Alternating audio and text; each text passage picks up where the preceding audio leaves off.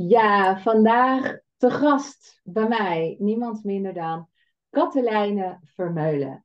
En ja, ik ga, ik, ga echt een hele intro over je geven hoor. Maar allereerst super bedankt dat je tijd maakt even voor deze podcast. Welkom. Uh, Katelijne, we hebben gisteren namelijk een hele fijne dag gehad met mijn klanten. En eigenlijk uh, ontstond zo het idee van, zullen we daar ook even een podcast over opnemen? Het zit allemaal vers in onze koppies. En ja, ik heb natuurlijk nog veel meer vragen. En ik denk, oh, dit is zo ontzettend uh, interessant voor de luisteraars om veel meer te weten te komen van wat doe je dan eigenlijk tijdens zo'n dag waarin je systeemopstellingen gebruikt bij ondernemers. Dus uh, welkom Katelijne. Leuk, heel fijn dat je dit vraagt. En zoals ik jou al zei, het is heel fijn om met je samen te werken. Ja, ja. Ja, even, even terug voor de, ja, voor eigenlijk de luisteraars en de kijkers. Wij hebben elkaar leren kennen een aantal jaren geleden op een event van uh, Simone Levy. En uh, we raakten aan de praat en we hadden een klik, want ja, jij wist heel veel van psychologie en systeemopstellingen. En ik was enorm verbaasd over nou ja, de hoeveelheid kennis die jij uh, bezat. Ik ben ook ja, ik ben een mental projector, is, bij mij gaat er ook heel veel in en gaat er nooit meer uit. Ehm, alleen om jou te zien werken was gewoon voor mij al gewoon een, een, een feestje. Dus um, ja, het toeval was dat we gewoon eigenlijk met elkaar in gesprek raakten tijdens een diner. En dat jij ook wat blijkt te hebben met astrologie. Dus daar gaan we het ook ja. over hebben. Uh, maar ik ga toch even wat vertellen over jouw achtergrond voor de mensen die jou niet kennen. En alsjeblieft, vul me aan, want ik heb het helemaal niet op een papiertje of voorbereid. Ik weet dat Katelijne Vermeulen uit België komt, geboren in Turnhout. Ja, ja, klopt. Dus dat delen we allebei hetzelfde. Althans, ik kom niet uit België, maar mijn moeder wel. Die is um, ook geboren bij Brussel. En um, ik heb al mijn jeugd, ja, al mijn vakanties doorgebracht in België. Dus ik heb heel veel met de Belgen. En Um, ja, jij hebt eigenlijk godsdienst, volgens mij. Hè? Je hebt een hele wetenschappelijke achtergrond. Godsdienstwetenschap en filosofie. En filosofie heb je gestudeerd. En vervolgens ben je ook nou ja, gaan werken. Nou, we kunnen daar een samenvatting van doen van, van alles wat je hebt gedaan. Maar ik denk dat eigenlijk het allerbelangrijkste is. Ik, ik, ik noemde je gisteren al een beetje gekscherend zo, waar mijn klanten bij waren. Zij is de professor. Dus zij weet dus ik noem jou even de professor onder de systeemopstellingen experts. Want eigenlijk ben je namelijk veel meer dan dat. Je bent veel meer dan dat. En wat dat is, is eigenlijk een combinatie, zou ik zeggen, tussen jou, enerzijds je persoonlijkheid. Twee, ook het feit dat jij gewoon heel veel houdt van kennis tot je nemen. Je bent ja. nooit genoeg. Ja, dus klopt helemaal. Je hebt heel wat boeken verslonden en trainingen ja. cursussen gedaan. Ja. En um, je hebt zelf een heel boeiend verhaal. Je hebt ook van alles meegemaakt. Natuurlijk ja. in het leven. Dus je bent echt doorleefd. En je hebt echt een enorme bak ervaring en kennis van uh, ondernemers die worstelen met hun bedrijven en die dus eigenlijk ook een doorbraak wensen en niet weten Ja. wat te zoeken. Ja. Je bent gewoon een doorgewinterde ja, systeemopsteller, maar wat ik zei, nog veel meer dan dat. Mag ik dat Ja, zo ik zeggen? Ja, zo mag je het zeggen. Want eh, nu, bij systeemopstellers denken ze heel vaak met eh, familieopstellingen, maar dit gaat veel verder. Dit gaat, eh, dit gaat zo ver dat familieopstellingen is maar een, een, een, puntje van de ijsberg van alle informatie of van eh, alles waar je eigenlijk mee in verbinding bent en wat je dus ook kan opstellen. Ja, ja, dat is ook echt zo. Nou ja, Ja. de, de, de magie van, ehm, van jou, nou daar gaan we het zo meteen nog even over hebben. Want Ja. dat, hè, wat er gisteren is gebeurd, ik bedoel, ik kan alleen nu al, zeggen, zeg maar, want aan het einde heb ik aan de, aan de deelnemers gevraagd, kun je in één woord samenvatten wat deze dag voor je heeft betekend, zodat Katelijne dat mee kan nemen naar huis, als ze erover nadenkt, van heb ik Ja. waarde geleverd Nou ja, ik geloof dat je best wel met een lekker gevoel naar huis bent gegaan. Ja, er vielen woorden als magisch, puur, dankbaarheid, uh, diepgang, transformatie, doorbraak. Uh, ik heb daarna nog met een aantal mensen nog zitten appen. En die zijn nog helemaal thuis aan het processen wat er allemaal is gebeurd. Maar het is, ja, het is niet, eigenlijk niet te, niet te bevatten met het hoofd. En dat zei je ook gisteren zo mooi. Ga dat niet allemaal thuis zitten beredeneren met je hoofd. Want eh, dat is nog steeds het mysterie. Dat weten we nog steeds niet hoe het helemaal werkt. Maar het werkt zo. Hè? Ja. ja. en eh, ik ben dat nu nog aan het herhalen tegen mijn klanten. Die allemaal een beetje zeggen: Oh, oh, oh. zeg, niet met het hoofd. Let it go. Het, de, Zet iets in gang. En uh, wat dat is, is bij iedereen weer verschillend. Maar daar gaan we het zo even over hebben. En wat ik interessant vind is, nou, voor de luisteraars, want dit is natuurlijk de astrologie-podcast, bedoeld voor spirituele ondernemers die hun expertise willen inzetten en dat ook naar het bedrijfsleven of in ieder geval naar buiten willen brengen in hun dienstverlening. En uh, heel veel spirituele ondernemers die durven nog niet helemaal uit de kast te komen, maar ik zie jou echt als een spirituele ondernemer puur zang. Maar hoe zie jij jezelf? Ik zie mezelf inderdaad als uh, een spiritueel wezen in de realiteit van elke dag in het hier en nu. Ja. Dat betekent, hè, hoe ik dat eigenlijk zie, en dat klinkt misschien wel heel, heel zweverig, maar ik zie, nou, dat, dan kom ik toch op dat kosmische idee, hè? Ja. Wat ik, kijk, ik geloof daar echt in, hè, dat wij een kosmisch idee zijn. Want als de kosmos zich wil leren kennen, kan dat alleen maar door het manifesteren in het hier en nu en in het aardse bestaan. Zo kan de kosmos zich leren kennen. Ja. En dat betekent dus, als wij erin geloven dat de kosmos heel is, en ik geloof dat, hè, ik geloof dat, dat kosmos gezien is er een eenheid en een heelheid, maar dan kan het niet anders zijn dan dat er een dualiteit is. Een eenheid kan maar bestaan uit de dualiteit. Ja. En uh, dat betekent dus, als de kosmos, en dat klinkt heel spiritueel, maar ik ga het toch proberen uitleggen. De kosmos kan zich alleen maar leren kennen in de uitdrukking van de materie. Eigenlijk ook al wat daar Plato zegt. Je had de ideeënwereld en de wereld is een afspiegeling van de ideeënwereld. Dus er is een volmaakt idee dat gemanifesteerd wordt in het hier en nu. Ja. Dat betekent dus dat wij niet anders kunnen zijn dan een kosmisch idee. Mhm. Als wij een kosmisch idee zijn en wij komen uit het al, kan het niet anders zijn dan dat we al zijn. Mhm. want elk deel bevat uh, de informatie van het grotere geheel. Mhm. En ik geloof dus werkelijk dat ieder mens, want je moet weten, wij zijn ontstaan, dat is een pure toevalstreffer. Ja.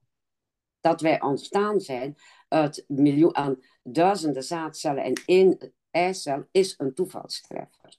Mhm. En tegelijkertijd is het dus geen toevalstreffer. Dat betekent dus, want je moet weten hè, dat, Deborah, dan negen maanden voor de conceptie maakt de eicel zich al klaar om te ontvangen. Dus dat betekent, wij bestaan al negen maanden, kosmos gezien, voor onze conceptie. Ja. Dat is, en daar gaat het mij om. Want ik zie heel veel mensen met bestaansissues en met bestaansrecht.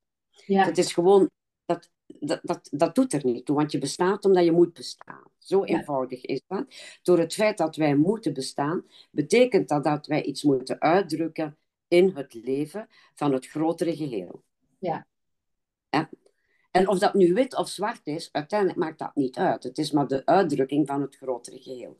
Ja. Maar dat betekent dus ook dat wij, als wij uit dat al komen, dan zijn wij dus volmaakt om datgene tot uitdrukking te brengen wat wij in dit leven uit te drukken hebben. Ja. Dat betekent dus, wij hebben al het potentieel bij ons in dit leven om te manifesteren en tot uitdrukking te brengen wat wij tot uitdrukking te brengen hebben. Precies. Ja. Ja. Ongeacht wat dat is. Ja. Nou ja, het, jij zei het ook heel mooi. Ik ben een, eigenlijk een spiritueel wezen eh, die eigenlijk in het Ja. alledaagse functioneert. Ja, Eh, vanuit je horoscoop bekeken. We gaan het hebben even over astrologie hebben. Maar eh, jij bent een maagd, maagdsterrenbeeld. Dus even voor de maagden die nu luisteren, die denken: oké, wat zegt dat? Maar dat is natuurlijk een aardsteken. Althans, Ja. De maagd is eh, meer van: eh, ik moet het zien.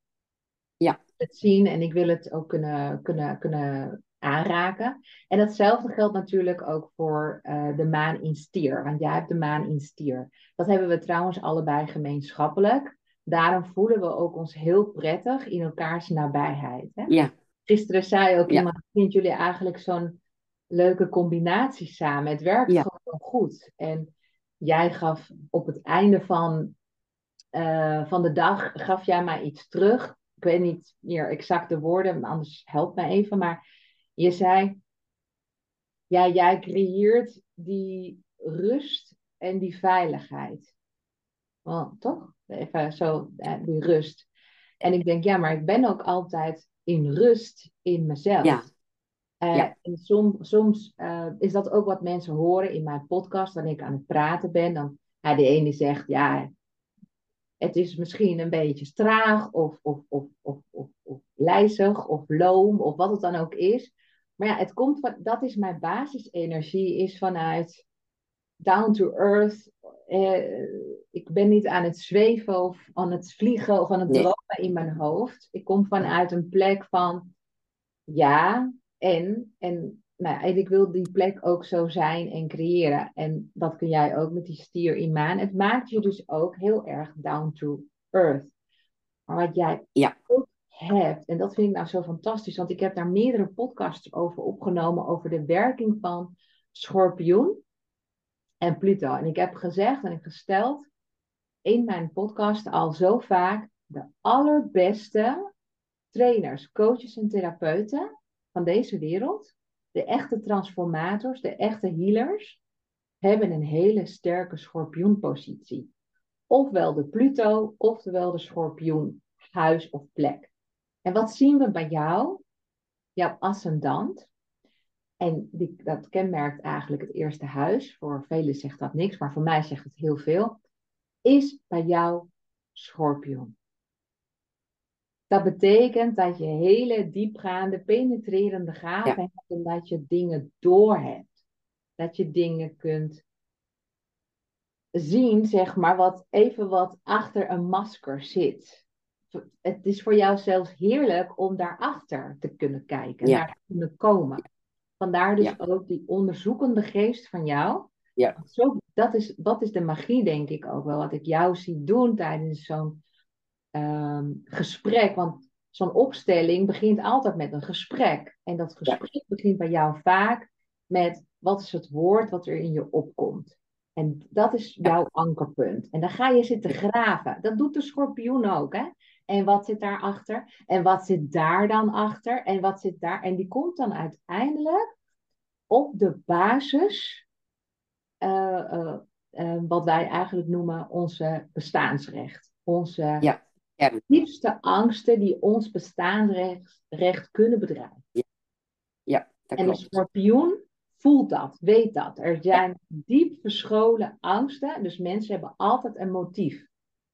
Waarom ze doen wat ze doen. En dat komt vanuit een hele diepe angst. En jij kan daarbij. En het mooie is dan vervolgens dat ik jou echt bij iedereen letterlijk, want jij hebt zelfs een opstelling al een keer bij mij gedaan, wat ook erg transformerend was. Ehm, jouw vraag, wat je dan vervolgens stelt, na een paar vragen te hebben gesteld, is: en wat is jouw diepste angst? En Ja. dan de tweede vraag: en wat is je grootste verlangen? Ja. Voor mij zijn die twee vragen echt magisch. Daar Ja. gebeurt iets. Daar, daar zit het hem in. Hè? Maar jij weet het ook nog eens op het juiste moment te stellen, waardoor als je al niet wilde breken, dan breek je wel. Dat is net het laatste zetje voor de ziel om toe te geven aan je diepste angst of aan je grootste verlangen.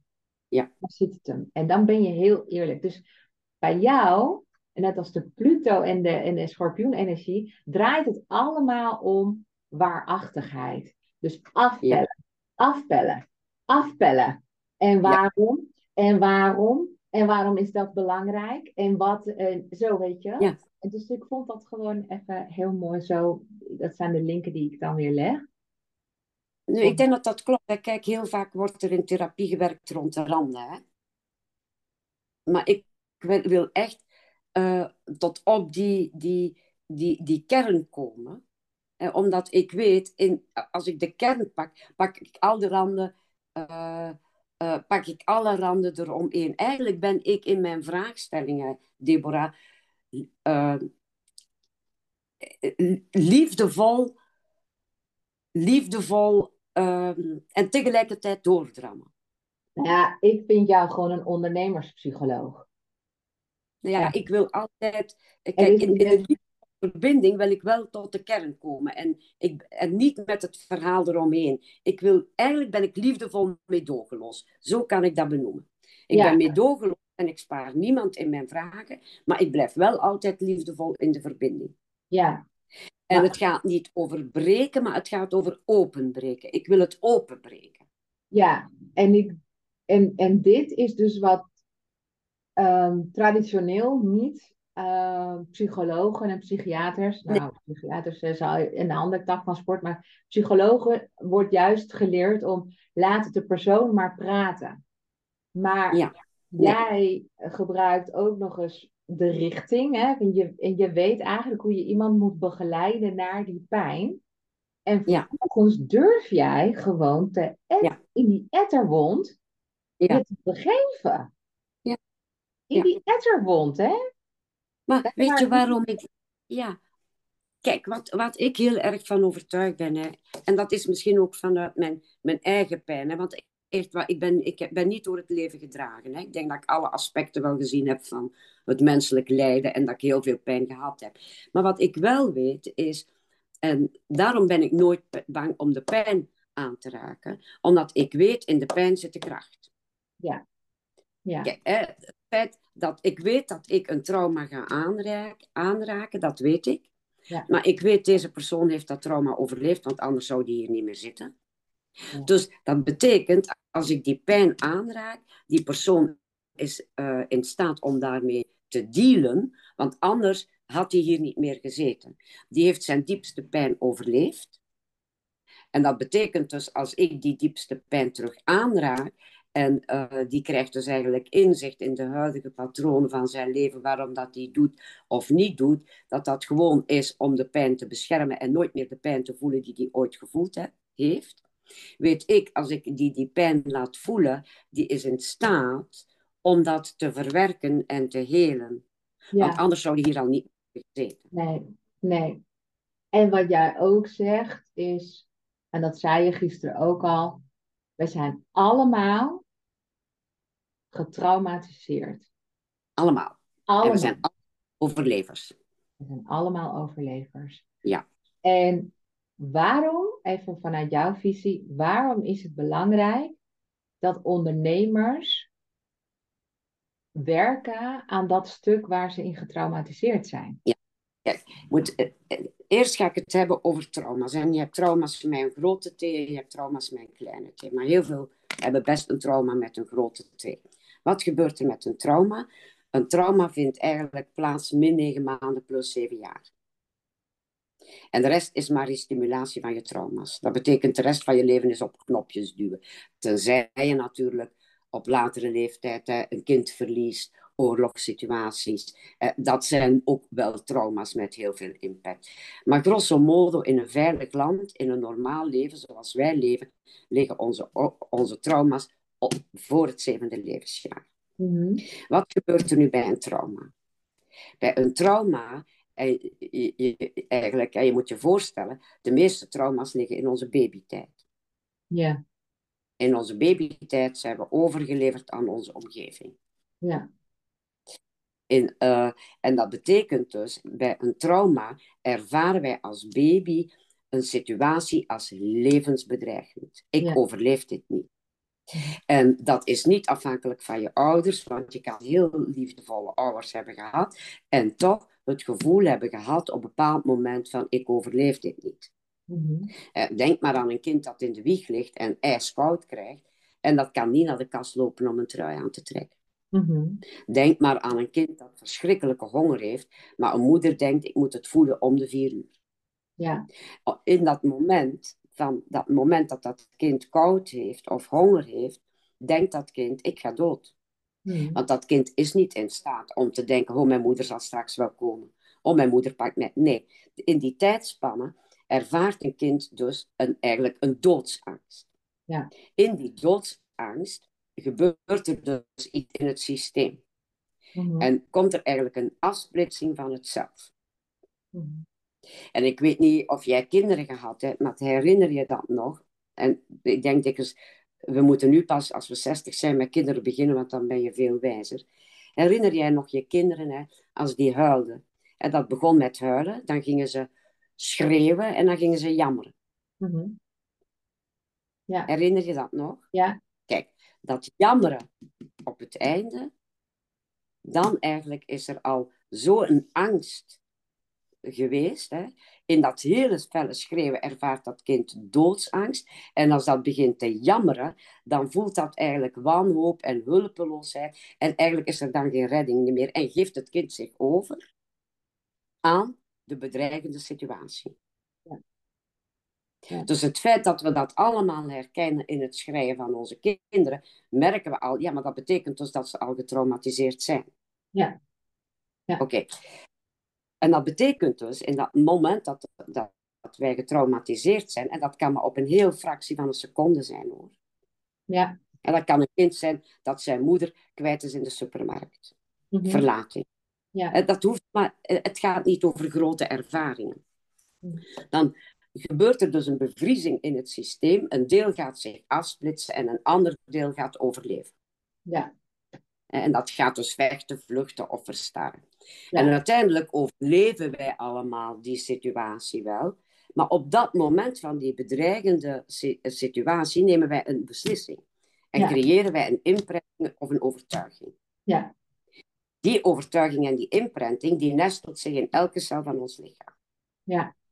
Dat is celgeheugen. Kijk, dit, ik vind het fantastisch, want je, hoe, hè, want je zei het gisteren ook al zo mooi. Ja, je zei eh, of je astrologie gebruikt of systeemopstellingen. Het zijn allemaal methodes, hè, holistisch, om ergens bij de waarheid uit te komen. Het zijn Ja. manieren.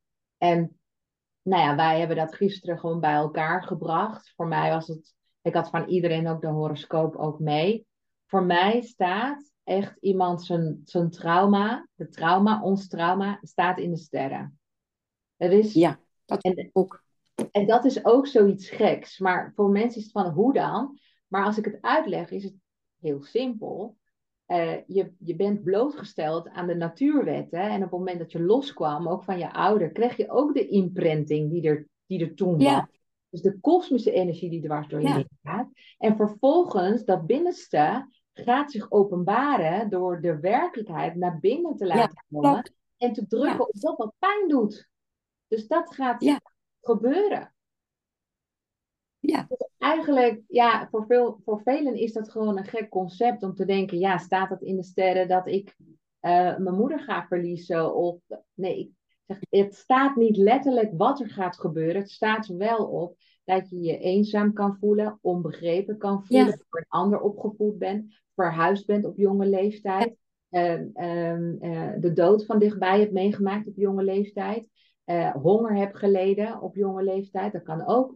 Er kunnen hele duidelijke aanwijzingen in de horoscoop zijn die jou die hebben ingeprent. En je kunt vanuit Ja. verschillende hoeken ernaar kijken. Dus we hebben ook in, in de horoscoop kunnen we kijken naar je, naar je ouderlijn en naar je familielijn. Dus wat Ja. heb ik van meerdere families meegekregen? Want dat zijn namelijk allemaal planeten die heel langzaam gaan. Ja, dus die energie die is ook meegegaan door generatie op Ja. generatie. En dat zit gewoon in jou. En dan heb je de snellere. En dat, zit ook, dat komt ook tot uiting. Eh, dus dan heb je ook nog de vaderrol en de moederrol.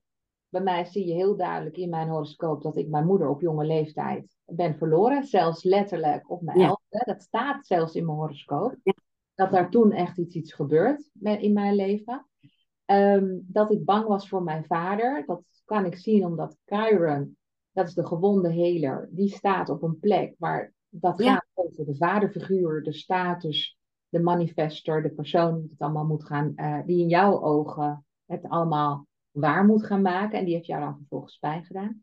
Dus je kunt echt dingen eruit halen wat een aanwijzing vormt en aanleiding kan vormen voor een trauma.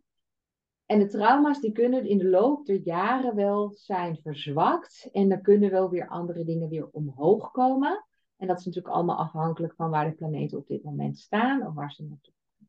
Dus ik vond het interessant gisteren, want ik had alle horoscopen bij me. Ik weet niet of je zag het allemaal mee te schrijven en zo. Ja, Ehm, terwijl je met iemand bezig was, ook van, vanuit de horoscoop gewoon bekeken van, ja, deze is heel duidelijk. Maar die, en die thema's, hè, laten we even zonder eh, het over de mensen te hebben, want dat was een Mm. deel van mijn klanten. En een ander deel zit hier nu naar te luisteren en denkt, wat is daar toch allemaal gebeurd? Maar Ehm, onderwerpen die te maken hebben met faal, falen, faalangst. Hè? eh, perfectionistisch willen zijn. Of Mhm. voor iemand anders. Of eh, een gevoel, gevoel te hebben van schuld. Mhm. Een schaamte. Eh, Mhm. Dat is er ook.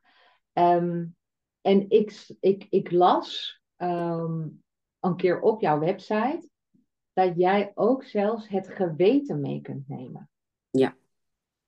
En toen Ja. dacht ik, dit, dit wil ik echt wel aan jou vragen. Voor mijn luisteraars ook. Want dit is een onderwerp, denk ik, waar niet veel over wordt gesproken. Ja, Het geweten. Hoe werkt het geweten. Nou, het geweten zegt het zelf al, hè? Je hebt het geweten. Ja. Je hebt het geweten, ja. Nou, als je gaat kijken naar het geweten, dan kun je dus verschillende vormen van geweten onderscheiden. En dat is dus, je begint met je persoonlijke geweten. Elk individu heeft normaliter een geweten. En sommige, want het geweten kent zelfs een plek in het brein. En bij gewetenloze mensen, dus bij de echte psychopaten, de echte psychopaten, zie je dus dat eh, de plek in het brein waarbij normaal, normaal lieteren of mensen zoals normale mensen zijn, eh, zie je daar dus een, een, een beweging. Bij echte psychopaten is dat een zwarte vlek. Dus in ons brein, Dat zie je in hersenscans of zo? Ja. Ja. Ja. Ja. dus het geweten kent, ja, het geweten kent een plek in ons brein. Hè? Dat is ook de vraag die filosofen al uh, geschiedenissen lang stellen. Is het geweten aangeboren of aangeleerd? En Ja. uiteindelijk hebben we daar het antwoord op. Maar in ieder geval, ieder mens heeft een persoonlijk geweten. Hè? Dat betekent, jouw, jouw innerlijk geweten wordt bepaald door jouw normen en waarden. Ja. Wij hebben allemaal eh, eigen normen en waarden. En daar eh, stemmen we ons geweten mee af. Hè? Van wat hoort, wat hoort niet. Wat, ja. Maar er is nog een ander belangrijk aspect. Je hebt ook een familiegeweten. En een familiegeweten, dat zijn de onuitgesproken normen en waarden. Ja. En ieder kind weet heel goed wat, hoe het geweten in het systeem werkt. Hè? Zo heb je bijvoorbeeld hè, het geweten van je hangt de vuile was niet, niet buiten. Ja. Daar praten wij niet over. Zo gedragen wij ons niet. Dat betekent, ouders zeggen dat nooit letterlijk. En toch, vanuit binnenuit weet een kind heel goed de interne regels hè, en het geweten van de familie. En dat geweten, dat werkt door alle generaties door. En wij handelen dus volgens het geweten. Ja. En dat is dus het familiegeweten. Ja, En dan heb je nog het cultuurgeweten, ja, het religiegeweten ja, en het landsgeweten. ja. Het geweten van een Belg hè, werkt anders dan het geweten van een Nederlander. Een Belg gaat op een heel andere manier met regels om dan dat een Nederlander met regels omgaat. Oh, Want dat is een geweten. Ja, oké. Bij integratie zie je dat dus. Hè. De moeilijkheid van het integratie is dat die mensen allemaal vanuit een ander land naar hier komen met een bepaald cultuurgeweten, een bepaald landsgeweten, een bepaald familiegeweten. Ja. En dat betekent dus, dat is niet zo dat die mensen zo uh, helemaal willen leven strikt, maar die willen dat land niet ontrouw zijn, die willen de cultuur niet ontrouw zijn en die willen de familie niet ontrouw zijn. Ja. Je ziet zelfs dat mensen die twintig jaar in een bepaald land wonen, dat land is al helemaal veranderd, maar het geweten van degenen die naar hier gekomen zijn, dat is onveranderd, want dat heeft met loyaliteit te maken. Ja. En wat is de loyaliteit? Kijk, onze diepste angst is voor iedereen universeel. Ongeacht wie dat er tegenover jou zit, onze diepste angst is uitsluiting. Ja. Wij doen er alles aan om erbij te horen. Mhm. Hoe kunnen wij erbij horen? Door het geweten te volgen. Ja. En dat geweten, dat is dus het belangrijkste om bij de groep te horen. Maar het klinkt, of het komt bij mij over als een, een moreel kompas of zo. Van, het is je wegwijzer. Het is je wegwijzer. Ja, maar, kijk, stel, ik ga een voorbeeld geven. Hè? Neem nu terroristen. Hè? Ja. Die handelen volgens hun geweten. Die denken echt dat ze een goede daad doen. Ja. Omdat ja, zij volgens hun Oké, maar oké, dan oké, laat ik het dan even anders stellen, om vanuit een ander anders te kijken. Want je, we hebben het nu veel over het geweten op een soort van macroniveau. Het, het systeem beïnvloedt ons geweten. En hoe zit het dan met ons persoonlijk geweten? Het geweten waarvan we mogelijk denken of vinden of wat aan ons kan knagen en ons wakker houdt of niet loslaat of van, van tijd tot tijd weer terugkomt, omdat we dan al dan niet in het verleden of in het heden iets doen wat tegen onze persoonlijke integriteit ingaat, maar we hebben het toch gedaan of we doen het nog steeds. En waarom is dat dan dat we het doen en kunnen we dat herleiden en kunnen we dat ook opheffen? Ja. En hoe doen we dat dan? Kijk, bij het geweten hoort de onschuld en de schuld. Want geweten, schuld en onschuld, hè, dat, zijn, dat, dat gaat altijd samen. Kijk, neem nu het systemisch geweten. En ergens heel diep is in ons verankerd, is er een, een loyaliteit naar het systeem. Ergens heel diep in ons zit de verankering, ik mag niet meer zijn, ik mag niet meer worden dan dat mijn ouders ooit zijn geweest. Hmm. Want als ik meer word dan mijn ouders, dan ervaar ik schuld en zal ik ervoor zorgen dat ik eigenlijk terug minder ga worden. Hmm. Dat is nou, om daarmee, uh, om dat te doorbreken, moeten wij bereid zijn van de schuld te dragen die horen bij een volwassen leven.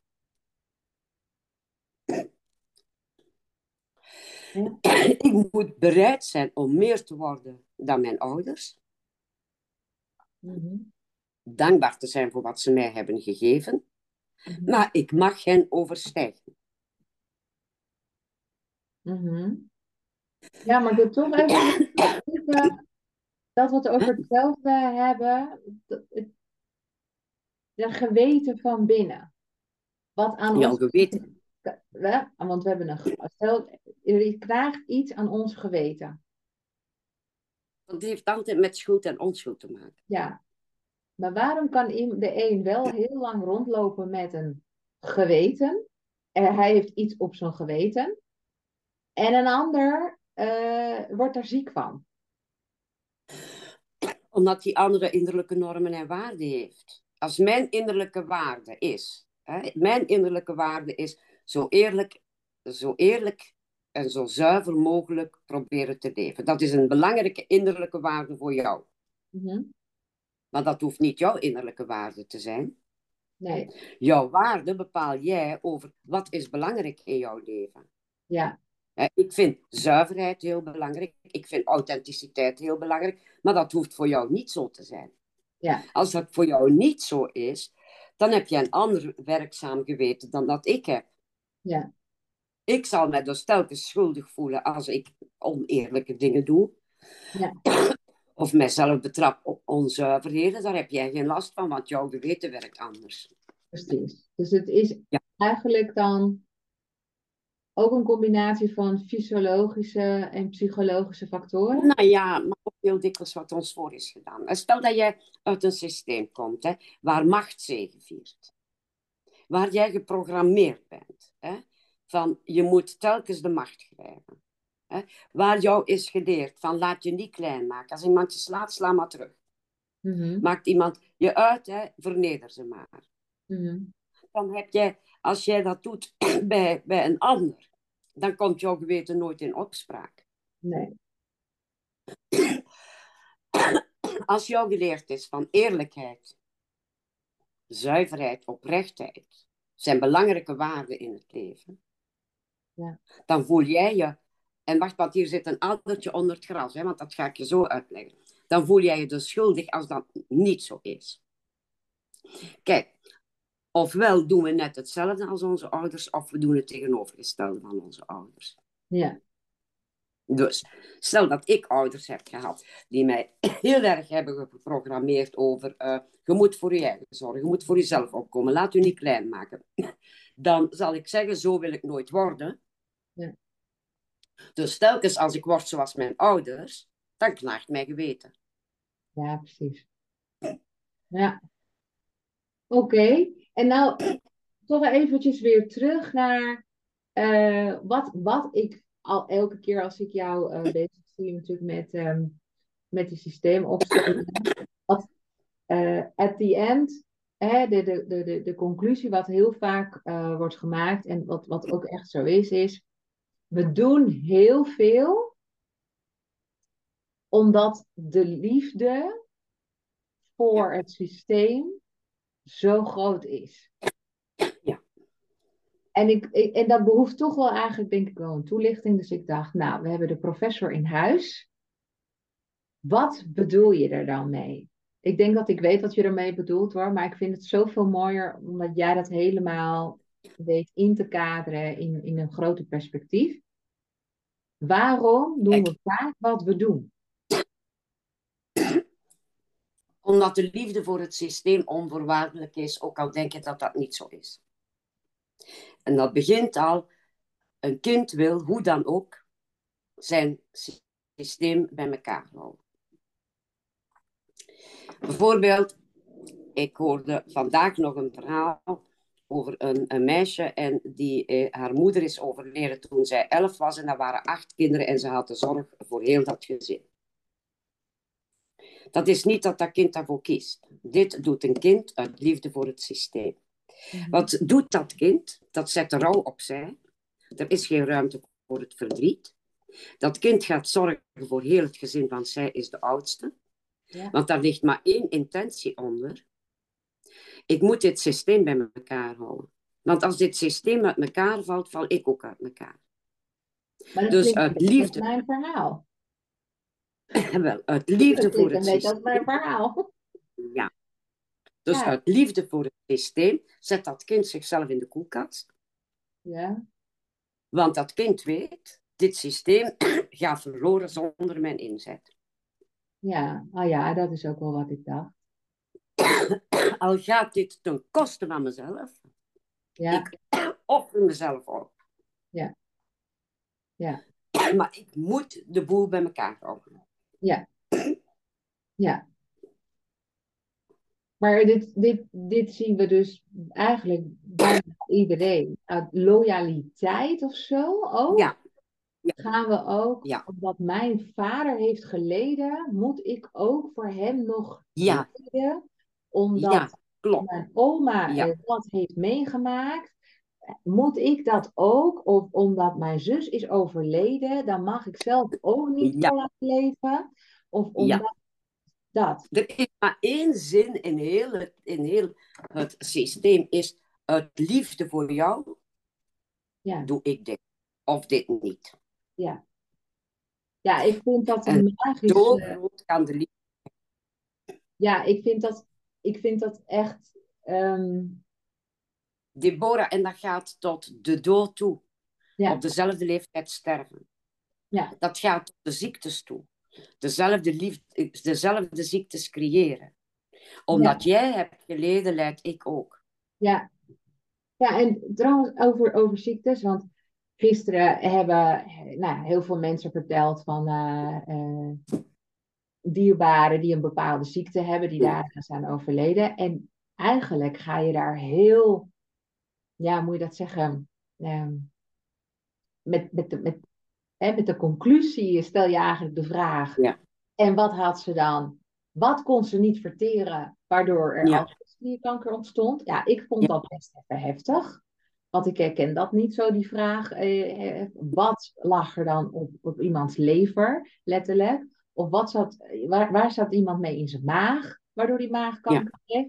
Of waarom, eh, wat kon iemand niet dragen, waardoor die door zijn rug is gegaan? Ja. Jij legt heel snel dus de connectie als iemand komt te overlijden aan een ziekte. Nou, je stelt twee vragen. Waarin is iemand overleden en, en wat precies? En vervolgens stel je de vraag: ah ja, en wat zat daar? Psychisch? Ja. Ja, omdat ik zoek naar synchroniteit. Ja, Kijk, eh, is zo, de ziekte vindt plaats twee jaar na de inslag. Oké. Ja, Er is een inslag, ja, dan gaan we in de overleving. En een inslag is dus eigenlijk een, een, een trauma of een, of een restimulatie van een trauma. Hè. ja, Dus eigenlijk moet je kijken, ik ga dat vertellen over mijn hartinfarct. ja. Die heb jij Ja. gehad. Ja, ik kreeg dus op 60 jaar een eh, hartinfarct. En dan moest ik gaan kijken, oké, wat is er nu ja, twee jaar eh, geleden gebeurd aan een heel stressvolle situatie. Waardoor ik toen in de overleving ben gegaan, want de ziekte komt net op het moment dat je denkt, och jongens, we hebben het gehad en dan word je ziek. Dus eh, ik, ik was ongeveer 60, dan moet ik gaan kijken. Oké, dan moet ik eerst, ik ga beginnen met 60. Hè, dan moet ik gaan kijken wat is op mijn 30ste gebeurd, wat is op mijn 15e gebeurd. Ik moet altijd delen door twee. Want ik moet naar de oorsprong gaan kijken. Hè. 30, 15, dan zit ik 15, is ongeveer dus rond 8 jaar. Nou, op 8 jaar eh, is mijn jongste broer overleden. Ja, Eh, Ik ga naar synchroniteit kijken. Hè. ja, Dan op mijn 18e heb ik anorexia gekregen. Ja. Ik heb een cyclus van 9, in mijn broer overleden. Dan eh 9 plus 9 was 18, heb ik anorexia. En dan kom ik in de cyclus van mijn leven, dat ik denk, oh ja, natuurlijk krijg ik een hartinfarct. Want dat trauma ligt dan veel vroeger. Want dan moet ik eigenlijk nog eens acht delen door vier, door twee. Want ik moet naar dat eerste trauma gaan om te begrijpen waarom heeft mij op mijn zestigste jaar mijn hart het begeven. ja, En dan beginnen natuurlijk met de ziekte. En dan gaat het steeds hè, delen door twee. Maar je moet eigenlijk van de ziekte twee jaar aftrekken, omdat je twee jaar in de overleving zit en dan word je niet ziek. nee, Pas als je denkt, ik ben er, dan word je ziek. ja, En daar zit een synchroniteit aan. Want de ziekte is al de genezing. Eigenlijk komt de ziekte wanneer het probleem is opgelost. ja, ja, Maar bijvoorbeeld alles met longen, weet ik, heeft met verdriet te maken. Ja. Hart en longen, keel, heeft met uitspreken te maken. ja. Schouders Ja, heeft dragen. vaak. Het is ook ook- Jij moet ook een paar keer. Of je bent Ja. ziek. het, is, Het komt ook vanuit de bio. het is ook een uiting van verdriet. Ja. Ja, Alles met longen, hè? alles met longen is een uiting van verdriet. Alles met Ja. hart ook. Alles met hart ook. Het zit in onze taal. Wat ligt er op je lever? Spuw je gal.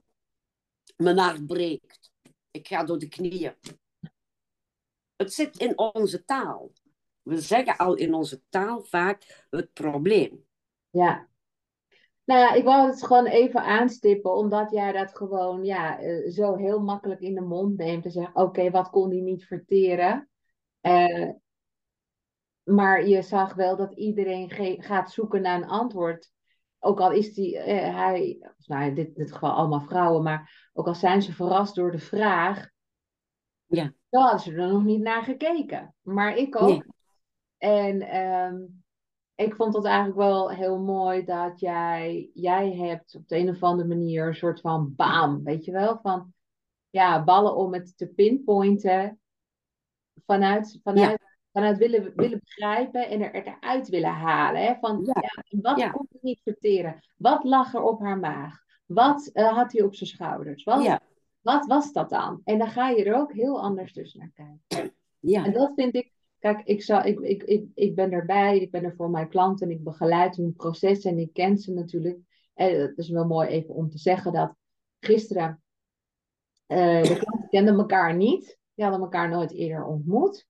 Um, of, of, alleen van naam of zo, maar niet echt in real life. En uh, jij wist niks van ze. Sterker nog, toen ik zei van zullen we een voorstelronde doen, toen zei jij eigenlijk al een beetje zo tegen mij, dat hoeft niet hoor. Nee. Daar komt vanzelf wel. Daar komt vanzelf wel naar boven. Dus meer dan een naam. En uh, zelfs een naam is ook maar een naam. Uh, dat is wat, wat, wat er stond en waar, waar je mee ging werken. En verder ging jij gewoon alleen op de energie en op de verhalen en op de vragen. Dus zo zuiver heb je ook gewoon kunnen werken. Ja. Ja, lijkt mij ook heel, uh, heel fijn. En, anders, verlies, anders kan je je verliezen in het verhaal. Ja, dat kan ik me heel goed voorstellen, want dan weet je te veel. En dan, eh, je weet niet wat dan, uh, wat dan zeg maar iets is wat je zelf hebt gecreëerd, omdat je dingen weet, of omdat het gewoon binnenkomt op een andere manier. Hey, en dan, um, dit is ook wel heel interessant, want er waren dus, iedereen kwam aan bod, dus iedereen heeft een opstelling gehad. Maar iedereen uh, kon ook deelnemen als uh, represent, uh, representant. Heet dat, hè? Ja, representant. En iedereen had een rol. En wat zegt die rol nou? Nou, je staat dus nooit zomaar als representant in een opstelling. Want je zal heel vaak zien als jij. er was iemand die bijvoorbeeld altijd moeder was. Dat vond ik heel mooi. Ja. Uh, betekent dus dat je zelf op dit moment aan het resoneren bent op eigen moederstukken. En stel dat je altijd in, uh, uh, in, in de liefde staat of in de zachtheid staat. Of in die hele mooie zachtheid die iedereen wel wil zijn. Dan betekent dat dus dat in jouw systeem momenteel iets aan het werk is op dat niveau. Want anders zou je daar nooit staan. Ja. Ja. En dus degene die uh, telkens opnieuw werd gekozen als moeder, dan weet ik, die is op, op, een, uh, op een dieper niveau ergens bezig met haar eigen moederschap, uh, of bezig met haar, met haar eigen moeder in moederissues. Want anders word je daar niet voor gekozen. Je wordt nooit toevallig gekozen. Je wordt altijd vanuit het veld gekozen. Representeer je iets met wat je zelf op dit moment resoneert. Oké, maar dan hè, even, nou, nu vind ik het even interessant, want ik heb ze opgeschreven. Ik heb uh, vijf opstellingen representant gestaan. En bij mm. één was ik het gemis, wat later bleek ook het geheim. Mm. Dus dat vind ik ook interessant hoe jij er dan naar kijkt. Bij twee was ik de vader, de vaderfiguur. Bij één de liefde. En bij de ander het diepste verlangen en dat was overvloed. Kijk, dan zou het kunnen zijn, maar ik zeg niet dat dat zo is. Hè? In hoeverre heb jij je eigen vader gemist? Nou, ik, ik, hij was op een gegeven moment niet in mijn leven, maar ik heb hem niet gemist, want ik wilde hem liever niet in mijn leven dan wel. Nee, in hoeverre heb je een vader gemist? Ja, dat wel. Kijk, dus het kan zijn dat jij in de energie van een vader staat om te voelen. Oh, maar zo kan een vader zich voelen zonder dat dat resoneert met mijn vader. Ja. Want dat is vaderenergie. Ja. Als jij in het gemis staat, resoneert dat heel vaak met wat heb je zelf gemist? Ja. Als je in de liefde staat, dan kan jij voelen met, en misschien ben je momenteel bezig met, hoe voelt dat nu eigenlijk, de liefdestroom? Zo voelt dat dus. Dus je staat nooit zomaar representant. Ja, ja omdat ik uh, vaker in, in, in opstellingen, en ook in opstellingen met jou ook wel vaker ben uitgekozen voor uh, het diepste verlangen. En overvloed. Dat is vaker, uh, vaker gebeurd. Uh, en dan denk ik, um, is dat dan iets zeg maar wat ik heb of wat ik uitstraal? Ja, wat jij uitstraalt. Wat ik uitstraal. Dat heb ik jou gezegd gisteren. Wat zo fijn maar, uh, is. En dat klopt dus ook met jouw verhaal. Hè? Kijk, jij hebt ooit, als ik het goed begrepen heb, de moederrol op je genomen. Hè? Ja. ja. Maar jij straalt de energie uit van de oermoeder. Ja.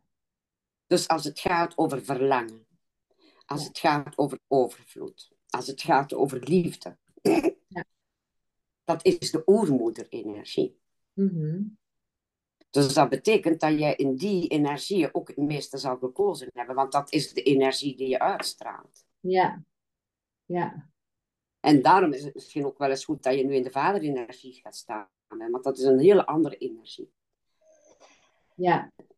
Nou, wat ik merkte gisteren, ehm, ik heb zelf niet, hè, eh, ik ben zelf niet aan, eh, aan bod geweest, want daar onthoud ik me dan eh, van. Ik heb mezelf beschikbaar gesteld als representant. Ehm, maar ehm, ja, ik, ieders verhaallijn en alles wat er kwam, van die hele energie, Mm. kwam bij mij via mijn ogen er weer uit. Ja. Elke keer weer. Ja. Ik heb ze allemaal gevoeld.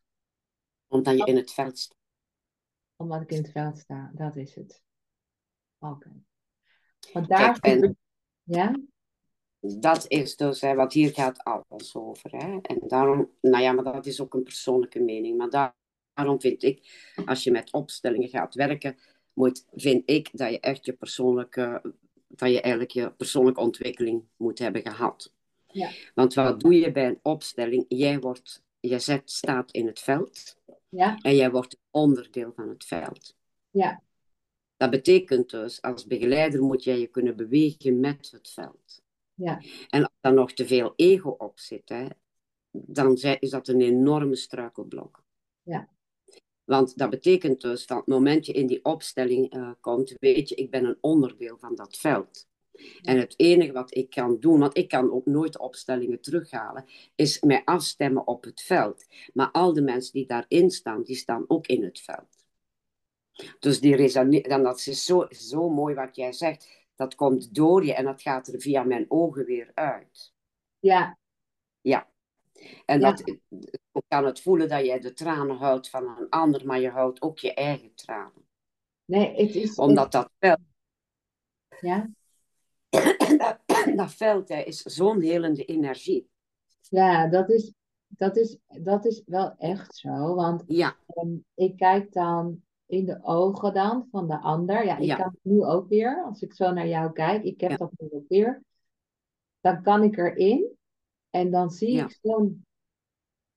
En, en, en, en die herkenning ergens ver weg. ja, dat, En alsof ik je een boodschap moet doorgeven via de ogen van een Ja. ander. Dit is voor jou. ja Dit is voor dat, jou. en zo werkt het.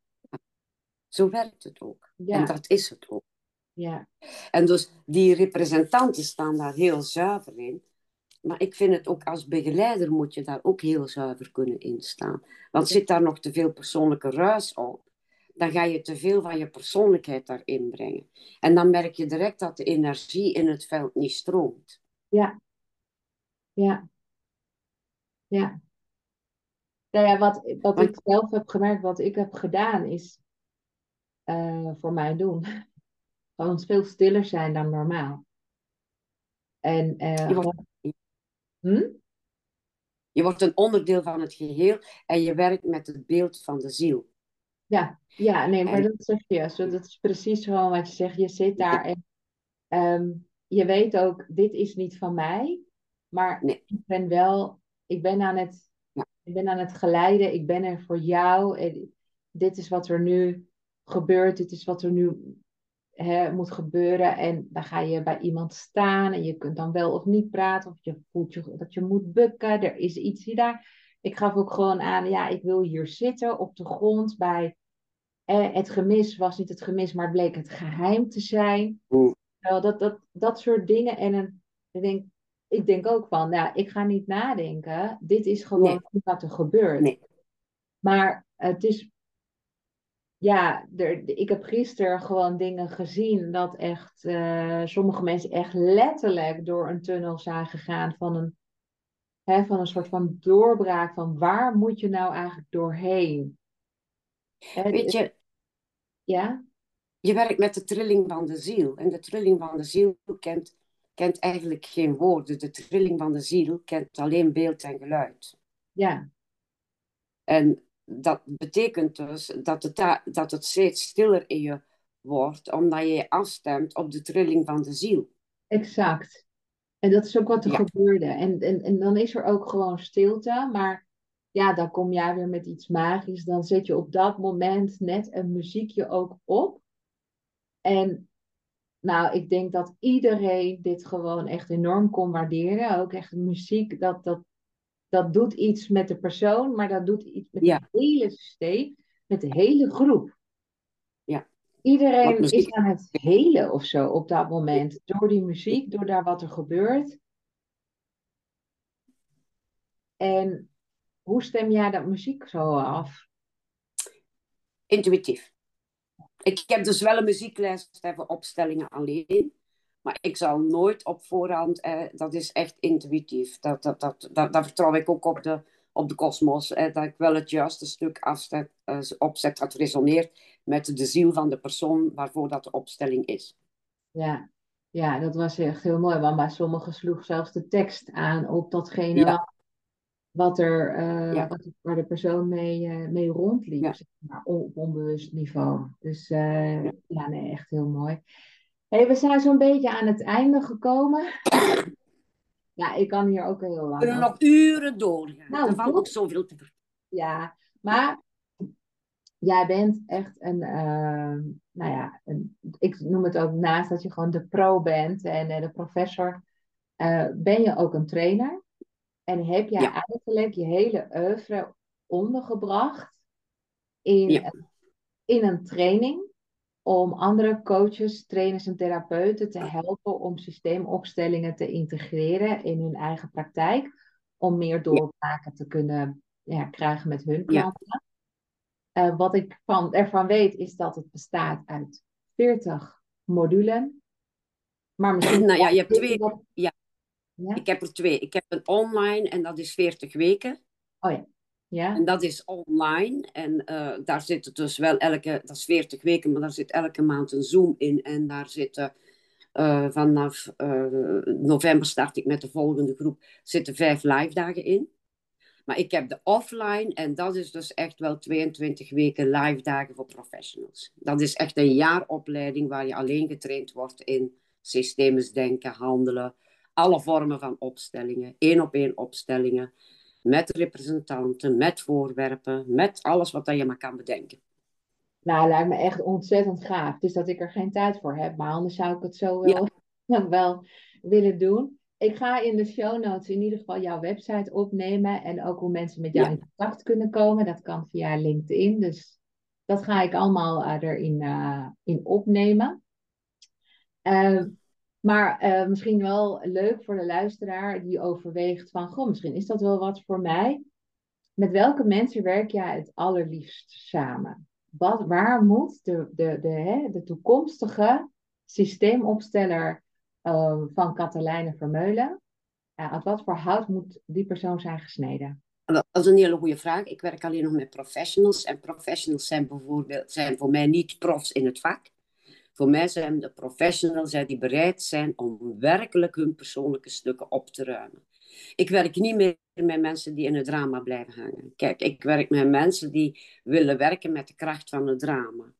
En dat betekent dus wel, hè, tijdens zo'n opleiding komen altijd persoonlijke stukken naar boven. Maar ik, ik merk dus, die worden aangeraakt en mensen zijn in staat om heel snel terug te schakelen. Ja. En maar ik werk niet meer met mensen die in het slachtofferschap willen blijven zitten en niet kiezen voor de doorbraken. Moet wel echt bereid zijn om die patronen te doorbreken. En ook al gaat dat misschien niet uh, vanzelf, dat vind ik helemaal niet erg. Maar ik wil niet dat iemand zich nog, koestert in ja, het drama van zijn leven. Ja, en dan kan ik dat dan vertalen naar iemand die eigenlijk al een stuk uh, inner work heeft gedaan? Ja, of die bereid is om dat te doen en aan te kijken. En die niet meer uh, hulp verwacht van buitenaf, maar die, die wel weet de oplossing ligt in mezelf. Eigenlijk is dat wat ik wil. Is dat mensen heel erg bewust zijn van, ja, maar de oplossing ligt niet buiten mij, de oplossing ligt in mij. En daar wil ik de sleutel van. Daar heb ik de sleutel van, maar ik wil de deur open doen. Wauw, mooi.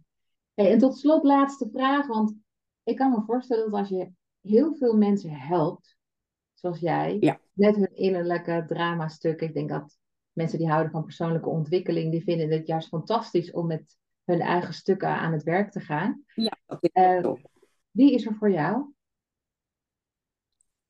Dat is nu een goede vraag. ik denk mijn partner wel. Ja, ja. Die, die staat wel echt achter mij. Die, die, nou ja, ik moet ook zeggen, die brengt mij altijd wel een beetje terug van de, met de voeten op de grond. Als ik een beetje doordraam. Ik denk mijn dochter. Op een andere manier. Mijn zussen. Ook. En vriendin. Ik heb een hele goede vriendin. Die ook wel uh, af en toe spiegelt en zegt van... Uh, nou, misschien kunnen daar of daar eens mee beginnen. Nee, ik heb wel echt mensen om mij heen uh, waar ik ook mijn verhaal bij kwijt kan. En die ook confronterend durven zijn. Want daar heb ik, dat vind ik ook wel belangrijk, dat ze af en toe mij ook eens een spiegel voorhouden. Nou, fijn. Wel heel mooi. Nou, ja. over, wat is het, over twee weken dan uh, hebben wij ook nog een mooie dag uh, staan. Ja, vind ik ook. Ja, daar kijk heel erg naar uit. Ja, ja ik ga jou dan jouw uh, horoscoop helemaal analyseren. Ja. En het goud weer teruggeven, zodat jij weer een stukje verder kunt komen. En daar kijk ik ook heel echt enorm naar uit. Want, ja, ik kijk er echt heel erg naar uit. Ja. ja. Dat vind ik de kers op de taart, hoor. ja. Nou ja, ik, uh, ik ga er vanmiddag al meteen al mee beginnen met mijn eerste aantekeningen te maken. Dus uh, belooft heel wat te worden. En uh, nou, heel erg bedankt dat je hier in de podcast wilde zijn. Dat, ja, ik denk dat het heel inspirerend is voor velen. En ook wat je gisteren allemaal hebt betekend voor mij en mijn klanten. Heel erg bedankt daarvoor. En ik werk graag met je samen. Dus, ik ook met jou. Ja, onze ja. herhaling van baar. Ja, onze weg is nog niet afgelopen samen. Nee, ik geloof niet. Nee. Dankjewel hè. Doei, fijne dag. Hoi. Doei.